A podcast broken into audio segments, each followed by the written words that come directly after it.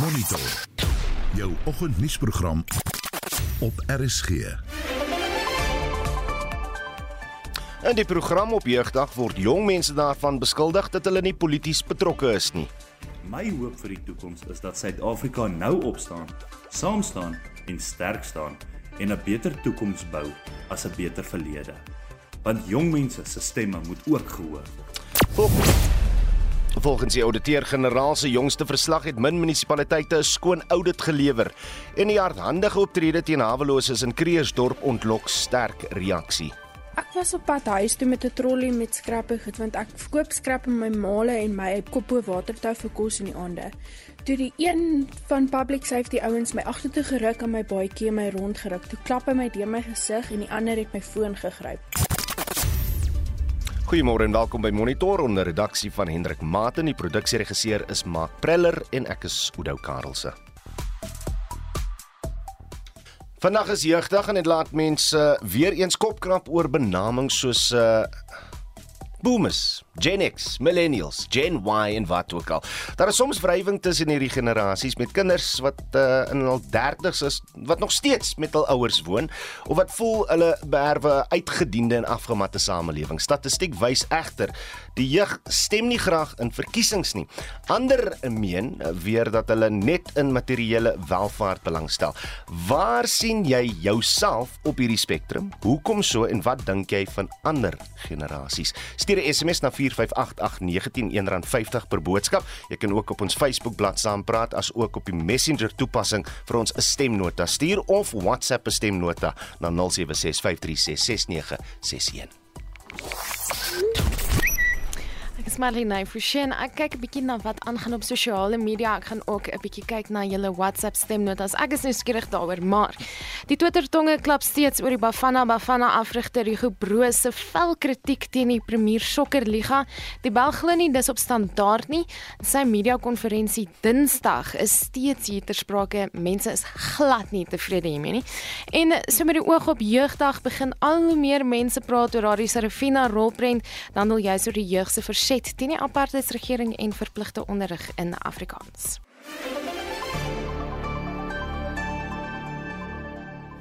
So byna 10 minute oor 6. Slegs 41 uit 257 munisipaliteite landwyd het skoon audits ontvang. Die ouditeur-generaal Tsakani Maluleke se jongste munisipale auditverslag is aan die parlement voorgelê. Sy sê dit wys dat munisipaliteite in 'n self swakker finansiële posisie is as voorheen. Ons praat nou met Darlin Kloete, navorsingsgenoot van eh, die departement openbare administrasie en bestuur aan die Universiteit van die Vrystaat. Hallo, goeiemôre. Goeiemôre Oudo en goeiemôre aan al die luisteraars. Wat het vir jou uit die verslag uitgestaan?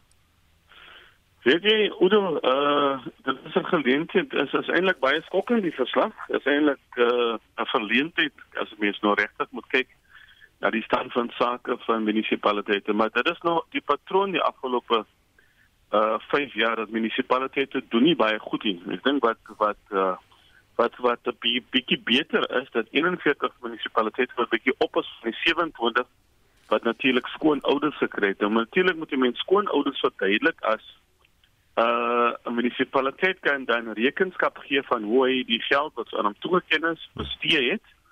Uh daar is goeie bewyse gelewer en het goeie finansiële en het finansiële state gelewer uh aan die ouditeur-generaal. So dit beteken ook dat daar is beheer en hy kan en daar is 'n kult uh, daar's 'n kultuur van van aanspreekbaarheid. Mm, mm. Uh, en so so dit is die goeie teken, you know, die die die feit dat dis dis amper uh 'n vyfde van munisipaliteite funksioneer nie soos hy moet funksioneer nie. Ja. Is is 'n bietjie kommerwekkend. Allen das das swak bestuur as wanbestuur en dan is daar korrupsie. Wat is ons groot doring in die vlees? Ek dink korrupsie is die kanker in in hierdie samelewing. In die feit dat waar mense uh, munisipaliteit gebruik vir hulle eie uh, gewin. Jy sal onthou die vorige auditeur-generaal Tini Makwetu het gepraat ons het die verkeerde hande by die by die kasregister. En so korrupsie is die groot kanker in ons samelewing. Uh en en en as ons as ons as ons nie dit kan hokslaan nie. Maar natuurlik moet ek ook by sê korrupsie is nie iets nie tot Suid-Afrika nie. Uh waar daar mense is en waar daar mag is en waar daar geld is, of dit nou Amerika is of dit nou Griekeland is of Switserland is, Uh dit is maar die kanker in die in die samelewing so oud soos die mens hom self is. Dit is nie so so dit dit bly 'n probleem. Allen jy weet nadat ons uh, by die ouditeur-generaal gehoor het het ons hoof van openbare vervolging Shamila Batoy ook baie uh, te sê gehad. Sy het sterk woorde gehad wat sy gesê het daar's geen stelsels om munisipale vlak om korrupsie te kelder nie. Sy sê verder dat munisipale bestuurders en sekere raadslede ook toelaat dat 'n kultuur van korrupsie voortbestaan en waar ondersoek wel ingestel word, uh, word dokumente vernietig, uh, die wat uit uitbrand word geskort en beskuldigdes uh, uh, vind maniere om sake teen hulle stadig te laat voortsleep. As dit so gemors is en sy so goeie begrip daaroor, het ons dan oor die afgelope jaar of so eh, 'n skerp toename gesien in mense wat op munisipale vlak in hegtenis geneem is. Ek dink ons ons het gesien uh corruption watch het so 'n uh, jaar gelede het hulle hulle verslag uitgebring en hulle verslag verwys dat die meeste korrupsie punt plaas in die kantoor van die munisipale bestuurder. So dit is mense wat uh kyk as die munisipale bestuurder moet wees, moet jy daarom ten minste tersiêre opvoeding ook het in baie gevalle kom mense rondom dit. Ons praat van die minimum competencies wat mense moet hê. So jy weet ons het nou ons het nie effektiewe stelsel van monitering en evaluasie nie. Of dit byvoorbeeld uh, die minimum competencies wat ek weet nie wat dit in Afrikaans is wat wat mense verplig om deur te gaan. Ten spyte van dit gebeur hierdie uh, uh hierdie gevalle nog uh oor die algemeen 61 munisipaliteite het nou 'n beter audit uh outcome na uh 2016 wat wat hierdie audit uh, outcome wys as wat is die Allen, is jy daar? Kan dit nog weer Hierdie lyn is nie die beste nie, maar ek wil by die punt uitkom want jy het nou gesê dat da, daar's baie min bekwaamheid as ons kyk na na die munisipale vlak. Die DA het nou wetgewing om kaderontplooiing stop te sit ter tafel gelê. Hulle het die eh, president gevra om te steun. Kan hierdie wetgewing verhoed dat ons munisipaliteite verder agteruit gaan en en is kaderontplooiing werklik die doring in ons munisipaliteite se vlees? Kyk, die probleem is kaderontplooiing. Almal alle politieke partye doen kaderontplooiing. Hmm. Die probleem met kaderontplooiing is as jy die verkeerde man uh keer of die verkeerde vrou as jy iemand met onbevoegdhede, soos ek stuur my uh, my my 8-jarige seun uh munisipaliteit uh, na die winkel toe met my motor sonder dat hy 'n lisensie het. En so jy die verkeerde hande partykeer en so ons het 'n probleem met onbevoegdheid. Ons het 'n probleem kaderontplooiing. Ja, is 'n probleem. En op hierdie stadium moet die mens kyk, you know Malcolm X het gesê by any means necessary. Enige wetgewing wat hierdie patroon kan stop, is seker nou welkom. Maar weet jy wat ons nou gister uitgevind het, is nie iets niets nie. Hmm. Dis die patroon in die munisipaliteit het die laaste uh, 10, 15 jaar.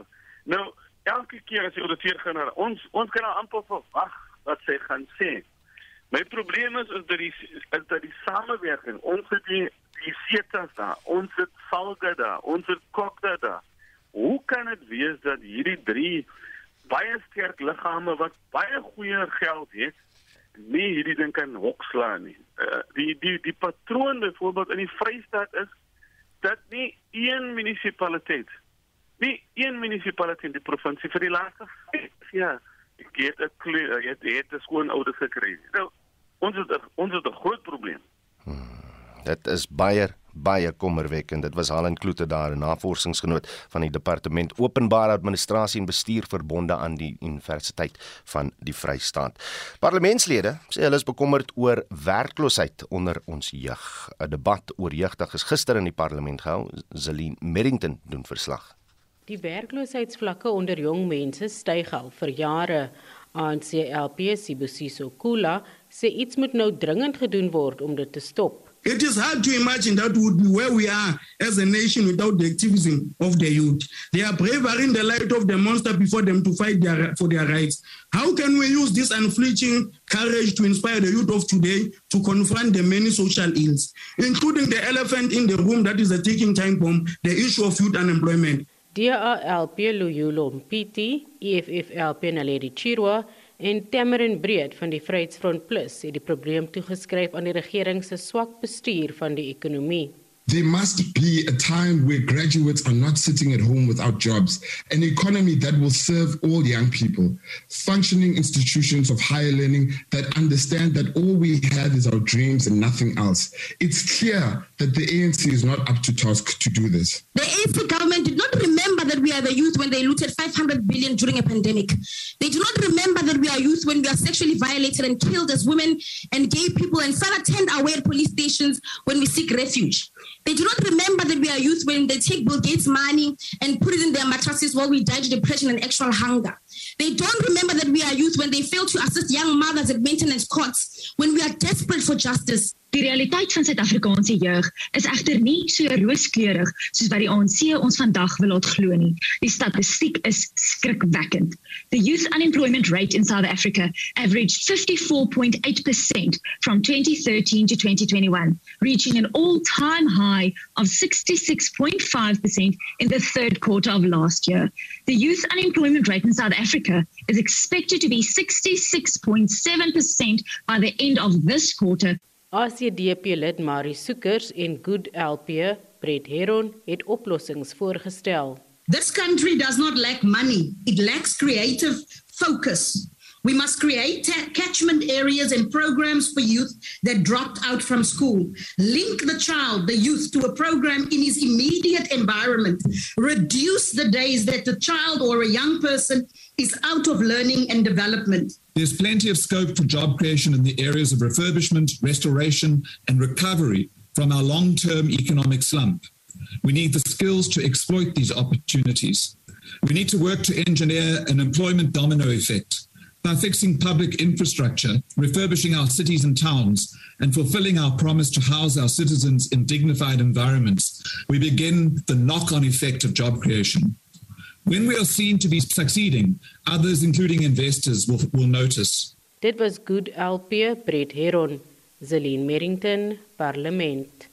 Net na 07:30 het ons 'n breedvoerige gesprek hieroor, so bly ingeskakel. Die koste van rampspoedige weeromstandighede en veldbrande raak almal. En terwyl klimaatsverandering al erger word, sal die toestande ook meer en meer voorkom en gaan mense alself daarvoor moet voorberei.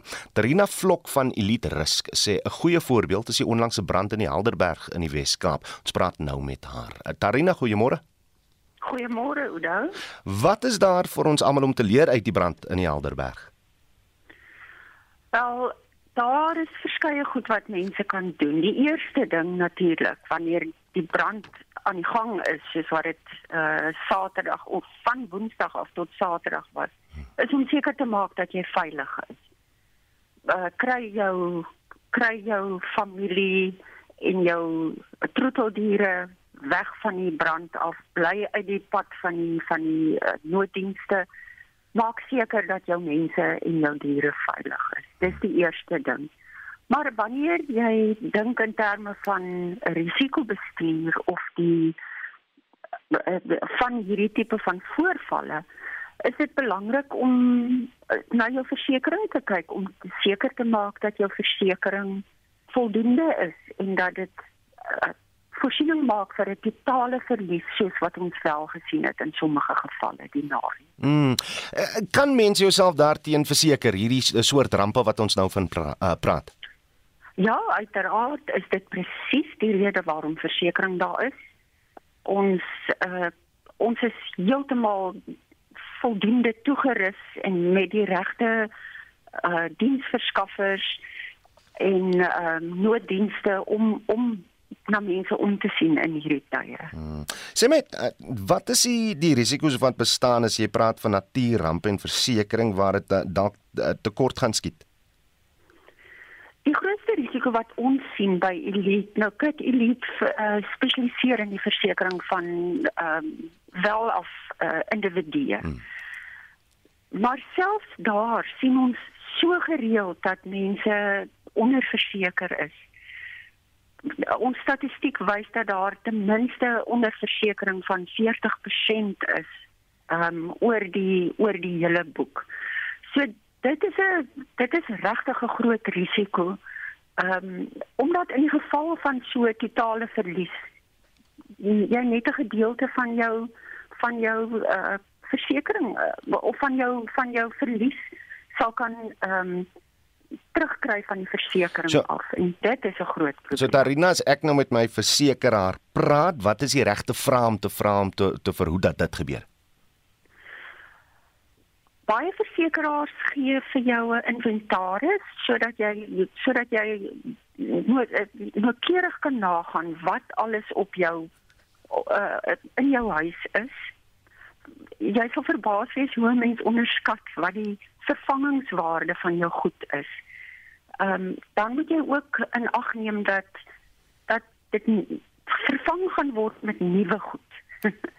so dit is so dit help nie jy kyk na 'n ding en sê ag ek het ek het hierdie 10 jaar terug vir R500 gekoop. Ek is seker ek kan dit daarvoor verseker. Jy moet uh, uitvind wat dit kos om dit vandag te vervang indien daar iets gebeur. En uh, jaarliks gereeld te hersien. OK, ons los hom daar, Tarina Vlok van Elite Risk. Ek sê vir jou baie dankie vir jou tyd. Die nuus van Haveloses wat na bewering deur beamptes van openbare veiligheid in Kreeusdorp aangerand is, het sterk reaksie ontlok. Fotos en video's van die voorval in Gauteng is op sosiale media gedeel en Facebook-gebruikers het soortgelyke ervarings uit ander provinsies gedeel. Marlene Forsie het besoek afgelê aan Cradle of Hope waar verskeie Haveloses gaan hulp soek na die voorval. Ek was op pad huis toe met 'n trolly met skrappe goed want ek verkoop skrap in my male en my bo koppo watertou vir kos in die aande. Toe die een van public safety ouens my agtertoe geruk en my baadjie my rondgeruk. Toe klap hy my deur my gesig en die ander het my foon gegryp. Ek het gelê onder ons kajuitjie wat ons gebou het. Toe kom hulle om so met movies te lot mense wat ons bepak het. Hulle het my betrap, my knie, hulle het hom amper gebreek letterlik. Wat het hulle gevat? Komberse, klere, hulle het ons kos op die vloer uitgegooi. Letterlik, hulle het ons het 'n geveg gehad om ons komberse te kan behou. My alles is weg. En dit het al hoeveel so mal ek moet uh, medikasie gaan koop aangesien ek nie meer ID het nie. En ek kan nie meer kliniek gaan nie, daar is ID nodig en 'n pas adres en ek sou ook kyk hoe hulle klein so 30 40 van hulle wat daar bo dat mense wat daar bo slaap waar rondtrek en pluk en hulle goed op pad. Hoe sou pille vir jou so belangrik? En ek het kanker in my longe en besin. En hy sê prompt vir jou in jou gesig, jy's nie mens nie. Wat is ek dan? Moet ek blaf? Moet ek teen die boom opklim? Moet ek so kat maak? Ek weet nie. Ek weet wie ek is. Ek's 'n mens. Ek is 10 keer meer gekwalifiseer as enige van daai mense. Nie die polisie het geen ons se probleme nie. Dit is geen ander organisasie nie. Dit is net public safety. Dit is asof hulle 'n uh, vendetta het teen huislose mense. Dit is maar 'n handjievol van die stories wat Dinsdag op straat uitgespeel het. Diegene wat deurgeloop het, sê geen redes of verduideliking is aan hulle gegee nie. Nou vir jou het, hierdie is 'n artikel wat op die 1 Oktober 2021 in die Kreeus op nuus was. Daar was ook verlede week 'n artikel op die voorblad en dan op bladsy 3 was daar 'n artikel van Mogale munisipaliteit met hulle verklaring rondom hulle oplossings. Melody van Brakel, die bestuurshoof van Cradle of Hope, sê hulle is moeg gesukkel Van die komberse wat afgevat is, is net maandag uitgedeel en daar was verlede week 'n soortgelyke klopjag. Sit dan op Facebook gewend waar verskeie mense uit ander provinsies soortgelyke ondervindings gedeel het. My foon het vandag nie opgehou nie. Daar is verskeie mense van ander areas, Pietermaritzburg, Alberton wat sê dieselfde Pretoria, dieselfde vergrype vind in hulle area ook plaas. Dit is lyk like my landwyte probleem. Verskeie predikante het my gekontak, baie media, baie media dekking, joernaliste, koerante, tydskrifte wat gebel het. Ek voel regtig hierdie ding gaan al vir jare aan. Ons praat al vir jare en dit is nou tyd dat dit aan die lig moet kom. Dis absoluut 'n menseregte vergryp. Die Menseregte Kommissie se kommissaris, Chris Nissen, het gister aan Spectrum bevestig dat voorvalle soos die dikwels plaasvind en dat die kwessie op hulle radar is. Christophe se burgemeester, Darren Gray, sê ook hulle is ontstel oor die nuus en probeer agter die kap van die byl kom. As burgemeester het ek alreeds 'n ondersoek op die been gebring. Geen skending van regte sal geduld word solank ek hierdie ampt beklee nie. Ons vra dat die gemeenskap ons toelaat om die ondersoek behoorlik te finaliseer. Diegene wie se goedere gekonfiskeer en na vullis oopgeneem is, het hulp van die Cradle of Hope span ontvang. Van Brakel sê egter as hulle enige iets wys geraak het uit die afgelope 7 jaar, gaan hulle binnekort weer komberse moet uitdeel. Marlene Forsie is iconies.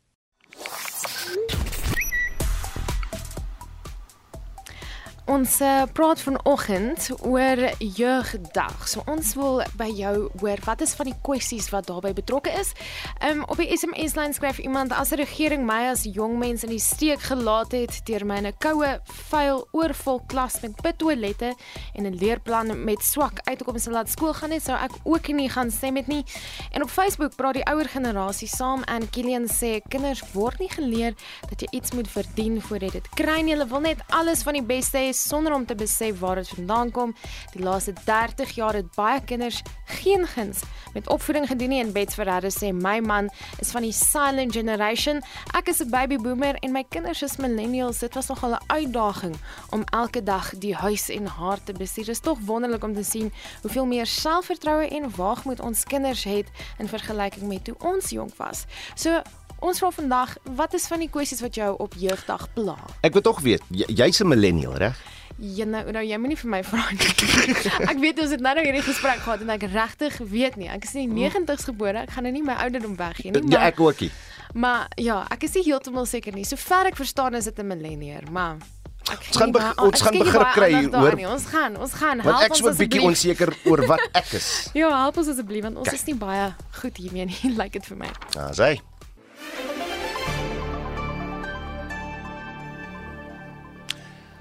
Die jeug word dikwels daarvan beskuldig dat hulle nie polities betrokke is nie en traag is om aan verkiesings deel te neem. Tog het meeste politieke partye jeugvleuels.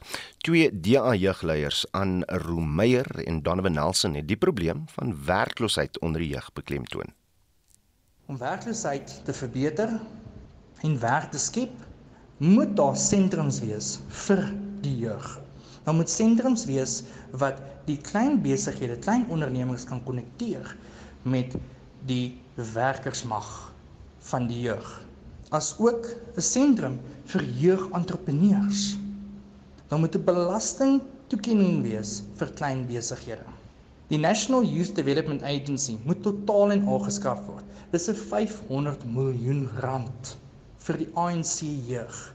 Die skrap van die broad-based black economic empowerment eindig hierdie kader deployment. As ons die nagedagtenis van die jeug wat vir vryheid gesterf het wil eer, moet ons werkgeleenthede aanskaf aan ons jong mense. Dit is tyd vir ons om op te staan en 'n nuwe regering in te stem. Byna 1 uit elke 2 jong mense in die arbeidsmag het nie werk nie. En dit is die realiteit van ons jeug vandag. Om werkskepping te bevorder en geleenthede te skep, moet die nasionale regering belê in youth works geleenthede sentrums en innovation hubs. Hierdie moet gebeur reg oor die land sodat werksoekers deel kan wees van hierdie inisiatief. En dit was Andrew Meyer en Donovan Nelson van die DA jeugbeweging. Lede van die Vryheidsfront Plus se jeugbeweging uh, het op hulle beurt die ontwikkeling van leierskap onder die jeug beklemtoon. My hoop is dat sterk jeugleiers na vore sal tree wat saam wil bou en nie wil afbreek nie. Ek wil veg nie vir 'n beter verlede nie, maar vir 'n beter toekoms. Want saam is ons sterker en dan is daar hoop. My naam is Tammy Breed. Ek is die nasionale jeugleier van die VF+. Ek is Arno Rood van Bloemfontein en ek hoop dat ons in Suid-Afrika kan sien waar elkeen werklik sy plek in die son gegun word. Waar ons as Suid-Afrikaners saam staan, saamwerk en saam groei. Ek hoop vir sagte harte en harde werkers onder ons mense. Waar ons nie bang is om ons te ontferm oor ons medemens nie en waar ons nie terugstaan om ons hande vuil te maak nie. Die tyd het aangebreek dat ons as jong mense moet opstaan en saam staan, want dit is hoe ons hoop sal skep. Ek is Chrisaan Du Plessis. Ek is Dian Harmse van Pretoria. My hoop vir die toekoms is 'n Suid-Afrika met geen rasse diskriminasie nie. En 'n Suid-Afrika met genoegsame geleenthede vir jong mense om 'n toekoms in hierdie land te skep. Ek is Joshua Griffin van Stilfontein. My hoop vir die toekoms is dat Suid-Afrika nou opstaan, saam staan en sterk staan en 'n beter toekoms bou as 'n beter verlede. Want jong mense se stemme moet ook gehoor word. Suid-Afrika, ons land, ons trots, ons toekoms. My hoop is dat elke stem in Suid-Afrika gehoor sal word en ek, Lee Anscott, is opgewonde om Suid-Afrika te sien sy volle potensiaal te bereik. En so praat jeugleiers van die Vryheidsfront Plus voor dit het jy die stemme van die DA jeugleiers gehoor. Ons praat dan verder hieroor met professor Jolien Stein Kotse van die Raad vir Geesteswetenskaplike Navorsing en Somari Nel, 'n voorligtingsielkundige verbonde aan die Noordwes Universiteit. Kom ons kyk net of albei gaste uh, beskikbaar is aan ons Somari. Goeiemôre. Reg so Marie nie daar nie. Ek hoor dat uh, professor Jolien Stein Kotse wel op die lyn is. Prof, goeiemôre. Goeiemôre. Asai, kan ons net met die uh, geselsie begin terwyl ons uh, weer eens probeer om Sumari Nal op die lyn te kry. Professor Jolien, wat toon jou navorsing? Het die jeug vertroue in die demokrasie en, en hoe hoekom of of hoekom nie? Weet jy as jy mens kyk na wat van die ehm um, ek sies my kans is baie uh, Engeliekans partykeer. Maar nou kyk nou van die persepsies wat die jeug het in demokrasie is daar amper asof daar hierdie desillusie is um met die demokrasie. Um jy weet as jy mens na kyk in, in die noorde is daar vrae van um ons kwessies, ons vra die goed wat ons sukkel word nie kom nie op die politieke agenda nie, dit werk nie vir ons nie. As jy mens weer na die globale suide begin kyk, dan raak dit ook nou 'n vraag van maar daar's nie dienslewering nie. Um ons kan nie onderwys bekostig nie. Ek weet nie wat my toekoms gaan bring nie, so hierdie werk nie vir my. Mm.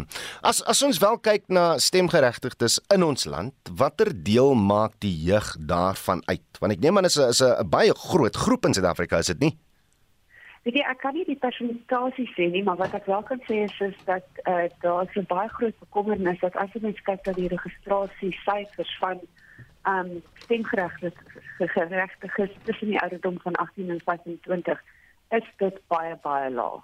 Um en natuurlik dat wat dan ook gebeur is omdat uh, die jeug nie geregistreer om te stem nie en dan nie gaan stem nie. Hmm. Dit is 'n bietjie van 'n sirkel, dan kan hulle kwessies ook nie op die agenda kom nie.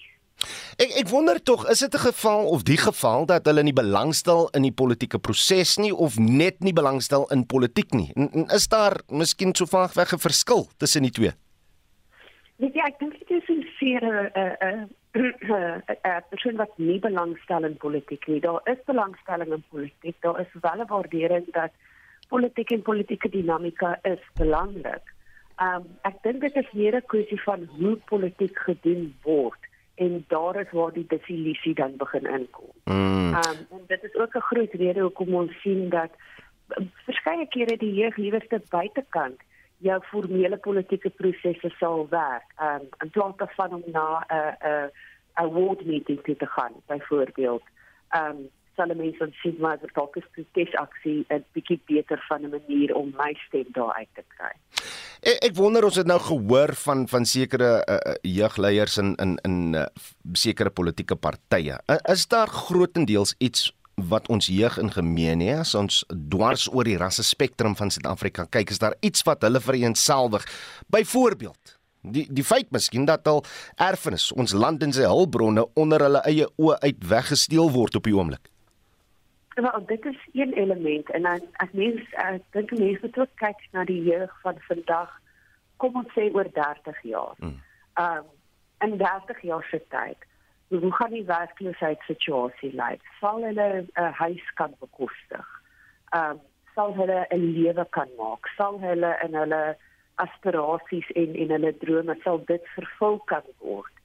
as hulle van nou oor die volgende 30 jaar gaan werk en die soos ons weet ekonomiese klimaat is bitter bitter moeilik. Um ons sit met 'n droogte in, in Nelson Mandela Bay byvoorbeeld die dorp die stad is op die punt daarvan om uit water uit te hardloop en al daai goed gaan 'n groot negatiewe impak hê op die jeug nie net vandag nie maar 30 jaar van vandag af. Dan dan wil ek ook vra of of al ons jeug op dieselfde manier deur iets soos werkloosheid geraak word want as ons kyk na die onderskeid tussen uh, of verskil tussen ten, hoe hoe dit jong mans en jong vrouens uh, in Suid-Afrika raak is daar 'n 10% verskil. Weet jy ek dink mense moet ook kyk na klas. Hmm. Ehm um, jy weet vra van klas en die die ekonomiese vermoë uh, binne in die familie. Ehm um, 'n jeug wat in 'n 'n 'n kom ons sê ryker huishouding is, het dalk 'n bietjie meer ondersteuning of 'n geleentheid om uh, geleenthede oor see te gaan soek as jy mens kyk na jeug byvoorbeeld wat in 'n baie arm ehm um, huis groot word. So klas gaan ook 'n verskrik eh uh, speel ook 'n groot rol en natuurlik dit is waar vrae van ehm uh, gelykheid ook begin inkom. Is daar politieke wil om 'n oplossing te vind vir al teen werkloosheid van ons jeug? Weet jy, ek glo daar is definitief 'n politieke wil. Ek dink die daar's net ander faktore wat so 'n groot impak het. Ehm um, waarvan veral die regerende partye bietjie beheer verloor het. En een van die grootste is natuurlik korrupsie. Ehm um, jy weet want as jy staatskorrupsie het en jy het wat ons sê endemic corruption ehm um, in jou jou jou administrasie. Hmm die die uh, fondse en en uh, resources wat jy beskikbaar het om van hierdie groot vrae te begin hanteer natuurlik is baie minder en dit maak jou minder effektief om ja. dit te doen. Ons politici sal vandag natuurlik reg oor die land uh geselsies het en en toesprake maak want dis 'n uh, groot vakansiedag vandag. Wat wil jy hoor uit hulle monde uit? Weet jy, dit is dit is 'n groot vraag want as jy mens sê wat wil ons hoor, dan begin ons weer praat oor beloftes. Ehm ek weet en en wat gedoen gaan word. Maar ek dink daar is regtig waar 'n baie groot benodigheid om te sê, weet jy wat, ons is regtig committed. Ons het hierdie groot politieke commitment en jy wys dit deur aksies. As korrupsie 'n probleem is, hanteer dit. Ehm um, as jy vind dat dat jou administrasie of mense wat in jou administrasie sit nie noodwendig die werk doen wat hulle moet doen nie, hanteer dit. Dan moet consequence management wees. Ehm um, want andersins gaan soos ons dalk gesien het met die auditor general, ons gaan begin stagneer wanneer dit kom by belangrike elemente van dienslewering.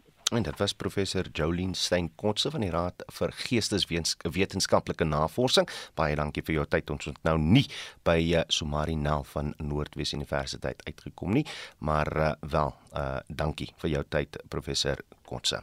Die voormalige direkteur-generaal in die presidentskap en ANC veteraan Erwaarde Frank Chikani se ambisie om die volgende inspekteur-generaal van inligting te word het misluk. Chikani kon nie die tweede derde uh, twee derde meerderheid van die nasionale vergadering se steun kry wat vereis word nie. Die twee grootste oppositiepartye, die DA en die EFF, het nie sy aanstelling gesteun nie. Hulle was gekant teen sy bande met die ANC. Die inspekteur-generaal se werk is om die land se spioene op hulle tone te hou. Dit word gedoen deur die bedrywighede van die verskillende spionasiedienste dop te hou en om klagtes van die publiek te ondersoek. Een klagte teen die inligtingdienste is dat hulle by die land se politiek en selfs faksiegevegte binne die ANC betrokke raak. Maar vrae oor hulle doeltreffendheid word ook gevra, veral na verlede jaar se onluste in KwaZulu-Natal en Gauteng.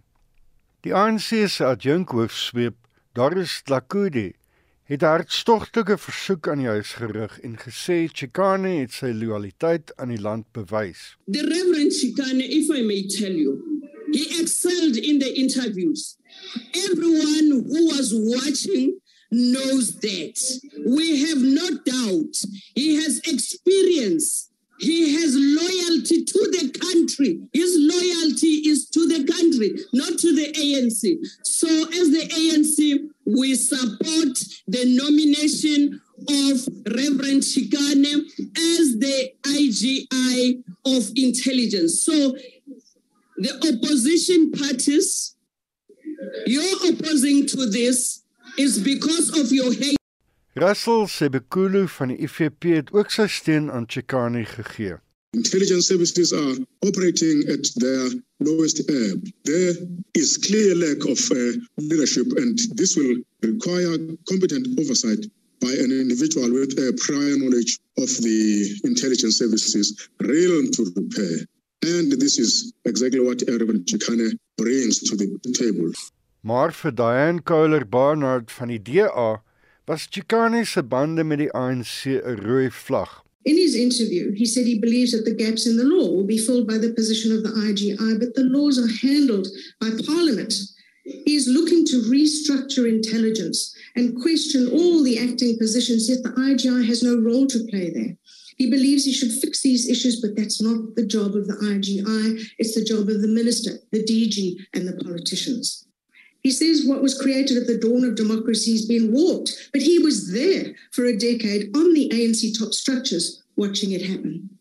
En Boye Seni en Dlozi van die EFF het ook Chikane se integriteit in twyfel getrek. He admitted to being asked to, to run for this position by ANC leaders. But when we was asked to declare who these leaders are, he was not ethical enough to declare that I was asked by so and so to stand for this position. He knows little if not nothing about the current environment of the intelligence services, uh, indicated by his uh, proposals in relation to the amendment of laws into the fixing of structures that have nothing to do with the constitutional and legislative mandate of the IGI. Die nasionale vergadering moet nou na 'n nuwe kandidaat soek. Hierdie bydra van Joseph Musia aan die parlement en ek is Hendrik Martin vir SAK nuus. In die serie buiteland, die minister van internasionale betrekkinge en samewerking, Naledi Pandor, sê sommige skandinawiese lande wil by NAVO aansluit aangesien hulle deur die huidige veiligheidsomgewing bedreig word. Swede en Finland het aansoek gedoen om by NAVO aan te sluit in reaksie op Rusland se inval in Oekraïne. Pandor word tans deur die skandinawiese Afrika ministers vergadering in Finland uh, sy woon dit by die byeenkoms fokus op die bevordering van vrede en veiligheid.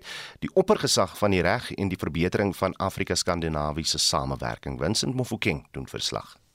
Skandinawiese lande soos Swede en Finland was in die verlede tradisioneel neutraal in oorlogskonflikte. Maar sedert Rusland Oekraïne in Februarie binnegeval het, het hulle die behoefte gevoel om hulself te beskerm deur NAVO om lidmaatskap te vra. Minister Pando sê dit is hierdie lande se besluit of hulle deel van die militêre alliansie met westerse nasies wil wees. And for them now to be very hugely concerned about security is a real worry for the world. It just gives you uh, an illustration of the decline in security. Maar Turkye het Swede en Finland se poging om by NAVO aan te sluit teengestaan en hulle daarvan beskuldig dat hulle Koerdiese militante en ander groepe wat hulle as terroriste beskou, huisves. Die Sweedse premier, Magdalena Andersson, sê hulle sal voortgaan om met Turkye te praat om gemeenskaplike grond te vind. And as you know, Turkey has raised concern in relations to Sweden's and Finland's applications, and we are taking them very seriously and have engaged in a dialogue together with Finland in order to find a way forward with Turkey. Intussen het Pretoria se topdiplomaat probeer om Suid-Afrika se standpunt oor die Rusland-Oekraïense konflik te verdedig en gesê hulle sal nooit 'n oorlog goed praat nie. Uh, so that's a clear position. Uh, we have advocated for peace and negotiations. This is based on our constitutional values and principles. We bring all nations together rather than encouraging uh, conflict and. Minister Pandor sê verder, hulle sal altyd die rol wat die skandinawiese lande in die stryd teen die apartheid regime gespeel het, waardeer. Ek is Vincent Mufokeng vir SAIK nuus.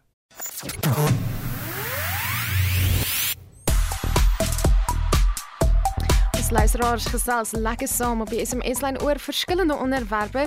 Connie Conradie skryf vir ons uit Mafeking, die kook staan op -4 grade Celsius by haar op hierdie oomblik. Stel jou net voor hoe koud dit moet wees, storm warmer in die ateljee. Dan het weet Isak aangaande kiesers in Suid-Afrika stem die meeste van ons met geskiedkundige denke, nie wat jou gemeenskap benodig nie, iets om oor te dink. En dan nog iemand wat sê, ehm um, wat bietjie saamgesels oor haweloses vir vanoggend wat sê 'n beter plan ten opsigte van haweloses is nodig. Hulpsorg en dwelmhandelaars lok hulle byvoorbeeld saam na plekke toe. Ehm um, wat jeugdag betref sê Wiki solank die verlede saamgesleep word, sal daar nooit vrede wees nie want elke keer word daar 'n program of 'n ding uitgesaai op TV en dan vlam die woede oor die verlede net weer op. En Samuel Walters is 'n bietjie vies vanoggend. Hy sê dis 'n skande dat die staat nog jeugdag vier want die jong mense se jeug word gesteel omdat daar vir hulle geen werk is nie. Baie dankie dat jy saamgesels het. Onthou, die gesprek duur voort op ons Facebook bladsy. Jy kan daar gaan kommentaar lewer oor jeugdag en of jy jouself as 'n millennial of generasie X of Y beskou. Ja, Madeleine is wel 'n millennial. Ek is net oud. Het jy gaan kyk? Ek het gaan kyk. Ek het bevestig ek is net oud. So ek wil vra wat is oud Udo maar kom ons laat dit daar. Ehm um, net gehou vinnige blik oor die sosiale media. Die afgelope ure die hitsmerke Youth Day en June 16 tot heel bo aan Twitter se lys van gonswoorde geskiet, maar dit beteken nie die Bafana Bafana afrigter Hugo Broos se vel kritiek teen die sokker Premierliga is iets van die verlede nie. Die onderwerp bly in die top 5 gewilde onderwerpe van die afgelope uur. Baie dankie Marlenae. En dit was Monitor uh, met uitvoerende regisseur Nicoline de Wee, ons redakteur vanoggend Hendrik Maten en ek is Oudo Karels. Onthou ons uh, nuus en aktualiteit programme Brandpunt Spectrum Monitor Kommentaar Naweek Aktueel almal beskikbaar as potgooi gaan net na www.rsg.co.za. Geniet die vakansiedag môre weer terug met julle hier op Monitor.